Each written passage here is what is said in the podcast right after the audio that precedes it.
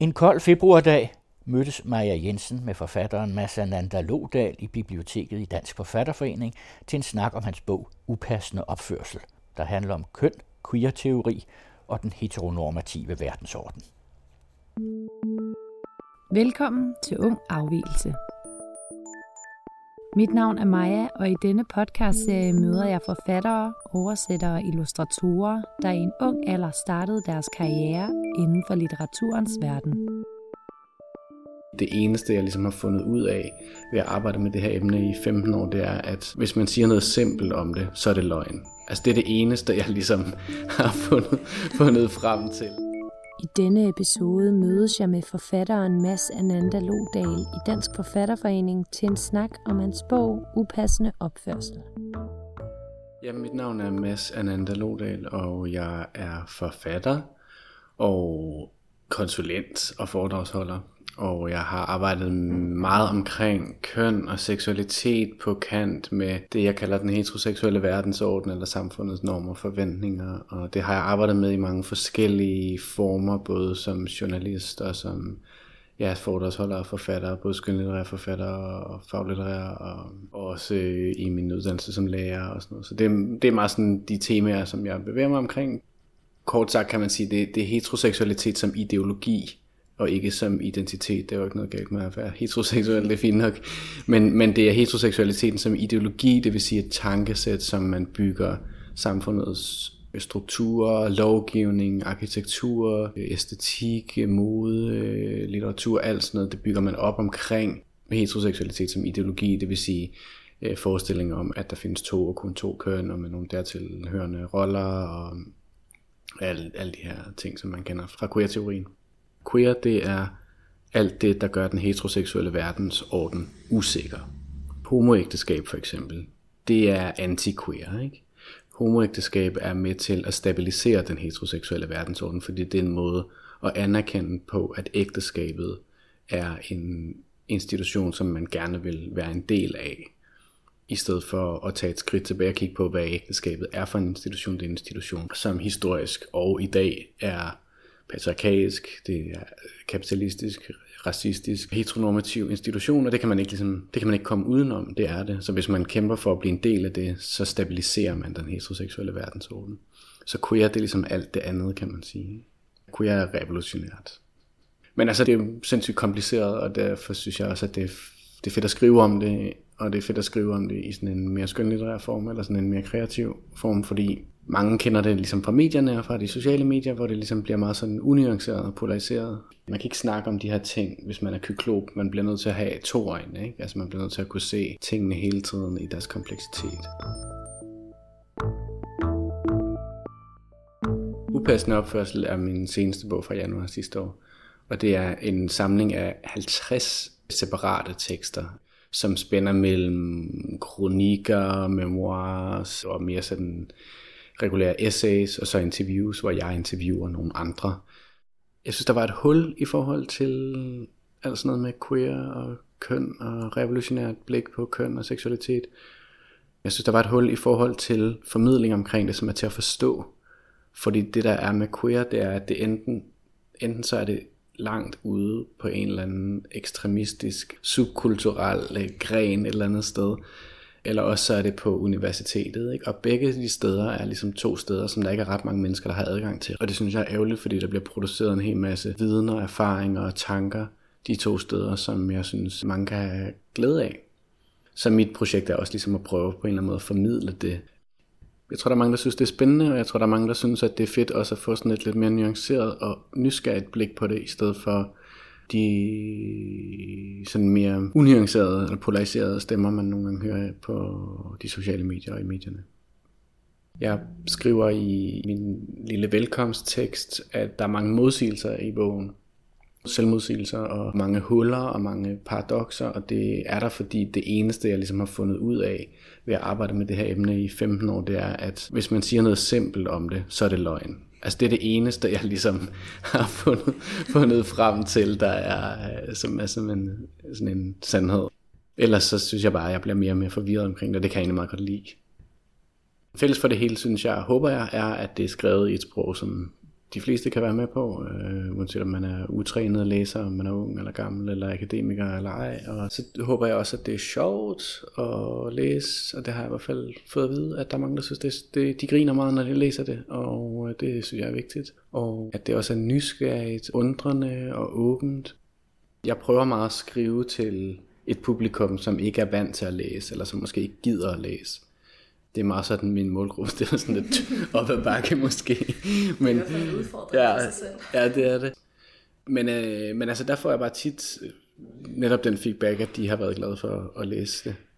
Og det er jeg jo glad for, at det ligesom lykkedes at lave noget til lige præcis den målgruppe.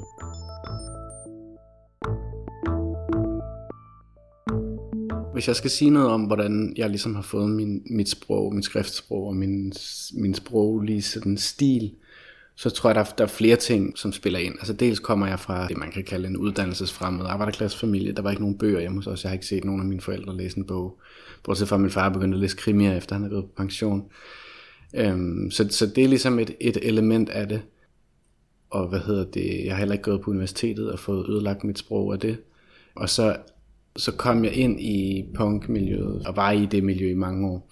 Og så lavede jeg de der scenes, som er sådan en form for selvudgivende hæfter med, der kan, man kan putte hvad som helst i, man har lyst til. Ikke? Jeg puttede meget poesi i og, og litteratur i. Jeg spillede sådan et uh, punkband, sådan drukpunk, øjpunk band. Og så gav jeg et af de der scenes til en af dem fra bandet, og så et par måneder senere, så sagde han, øh, Nå, men jeg har læst det der, du gav mig kom lige, lad os lige gå udenfor, og så kan jeg lige øh, give dig noget feedback. Og sådan noget. Så satte vi os ud på trappen, og så tager han det der scene frem, og så kigger han i det, og så tager han ligesom sådan side for side, og så siger han, det der, den der side, lort. Den side, lort. Lort, lort, lort. Og så tog han bare side for side, og så var der et sted, hvor han sagde sådan, det her det er meget spændende, men det er rigtig dårligt skrevet.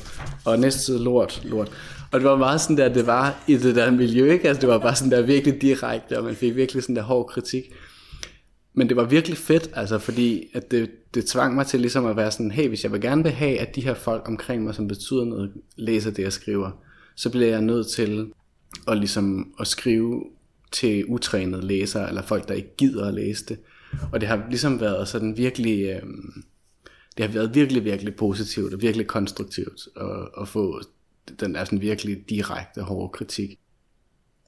Altså noget af det, sådan, der er mega fedt ved at udgive scenes, det er jo, sådan, det er jo en del af sådan en, det man kalder en DIY-kultur, do-it-yourself-kultur, som er meget sådan øh, tæt knyttet til punk og anarkistisk kultur. Øhm, og det, som der er fedt ved det, er jo, at man tager, man tager fuldstændig selv kontrollen over udgivelsens udgivelsesprocessen, og man bruger sine venner til at sidde og redigere, og hjælpe en med at redigere ved at sidde og sige lort, lort, lort om ens ting. så, så man har ligesom sådan en helt anden proces, som er meget anti-autoritær, kan man sige, og meget demokratisk på en eller anden måde, fordi at der ikke er nogen kapitalistiske eller kommersielle interesser i forhold til, kan det nu sælge, og, og øh, hvad siger de, den ene og den anden nu om det her, og sådan noget. Og det synes jeg virkelig kan noget specielt, om, specielt når det handler om sådan nogle smalle udgivelser, som man kan sige, bare fordi et eller andet forlag siger nej til noget, betyder det ikke nødvendigvis, det er dårligt, det betyder bare, at det ikke kan betale sig for dem.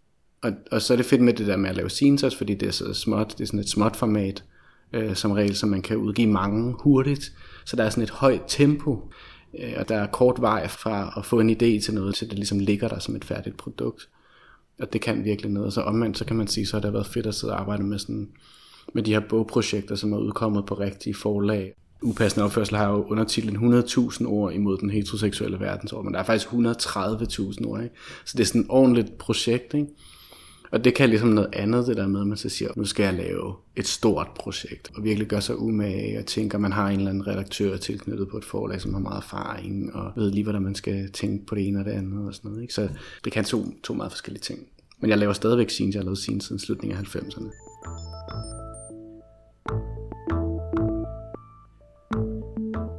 Det er så sjovt at skrive. Det er noget af det sjoveste, synes jeg på den måde at trylle tekst frem, og så lave det om, og blive ved med at sidde og pille i det, indtil det bliver bedre, og um, det der med at prøve at finde ud af, hvordan fanden kan jeg lige sige det her, så det bliver helt, som det skal være. Det synes jeg var mega sjovt, og mega fedt. Og specielt når man går ind i sådan nogle lidt friere genre, mange af teksterne i, i upassende opførsel, der står der om bag i, at de er baseret på virkelige hændelser. Altså det vil sige, det er egentlig sådan, det er egentlig sådan memoirs, ikke, hvor jeg bare skriver om et eller andet, jeg har oplevet, men så tager jeg mig så ligesom den frihed, ligesom at lige gøre det lidt mere spændende, ikke? uden at det nødvendigvis er, er fuldstændig løgn af den øh, grund. Ikke? Eller fiktion, ikke? Altså, det, er jo, det er jo sindssygt fedt at skrive fiktion. Altså det, som skønlitteraturen jo kan, det er, at du ikke skal sige noget. Du skal jo ikke mene noget. Du må godt, men du skal ikke, og du, og du behøver ikke, det behøver ikke at være tydeligt. Altså det, må, det kan være lige så tvivlende og famlende og forvirrende og rodet og alt muligt. Altså, og det er jo det, som der er anderledes ved at skrive for eksempel en propagandatekst, som jeg har lavet meget og skrevet meget af i alle mulige forskellige sammenhænge, ikke kun i forhold til det her, men jeg var også med til at arbejde med ungdomshuset og har været besat, og har været hjemløs og har lavet alle mulige forskellige ting. Der er det jo meget sådan noget, så skal man ligesom kommunikere noget klart og tydeligt, og det skal være sikkert i sin stil, og kommunikationen skal lykkes en til en. Altså, hvis jeg har en tekst, så skal du forstå præcis, hvad der står i den tekst. Du skal ikke selv lægge alt muligt til. Du skal forstå, hvad jeg siger til dig. Og det, det, det er jo noget af det, som skønlitteratur er rigtig svedigt, fordi det, ligesom, der er så mange huller, og det er meningen, der skal være mange huller, som du selv skal fylde ud. Og jeg skal ikke sige til dig, hvad der skal være i den. Jeg skal ligesom bare skabe et eller andet, som du kan få en oplevelse ud af på en eller anden måde. Altså du kan bare ligesom finde på hvad som helst. Det, du, fuldstændig, du kan gøre lige hvad du vil. Det er så fedt. Det er også fedt, man må lave nogle karakterer, som er mega usympatiske for eksempel. Eller problematiske, eller forvirrede.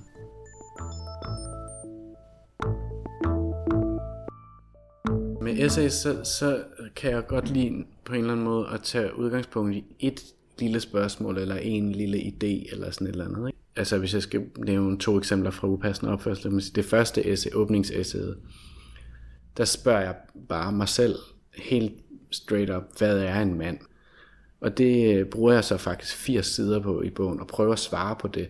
Og ligesom komme hele vejen omkring, og starter med, om det, for det første er det, det er et navnord, så det er ental, flertal. Og så kører det ligesom, og der var også en gang en, der sagde til mig, det der, og så har jeg spurgt alle mulige, hvad er en mand? Og så var der nogen, og så var der noget med noget forskning der, og så var der noget Judith Butler og Dorte Marie Søndergaard, og så er der også nogen, der har nogle holdninger til det der, og så er der en seksolog i fjernsynet, der har sagt sådan og sådan. Og så, går jeg, så bliver jeg bare ligesom, fortsætter jeg bare det, jeg følger det der spor hele vejen, ikke? Og prøver at svare på det der spørgsmål. Og spoiler alert, jeg kan ikke svare på det. Jeg finder ikke noget svar på det. Jeg har ikke fundet noget svar i 10 år. Og det andet essay, det hedder De heteroseksuelle skole, og det handler om, jeg er uddannet lærer. Og det tager udgangspunkt i min bacheloropgave øh, fra dengang. Øhm, og det handler ligesom om, at jeg prøver at gå ind i folkeskolen med sådan et blik, som er, hvordan er det at være LGBT-person i folkeskolen, eller queer, eller afviger, afvigende, eller hvad man skal kalde det.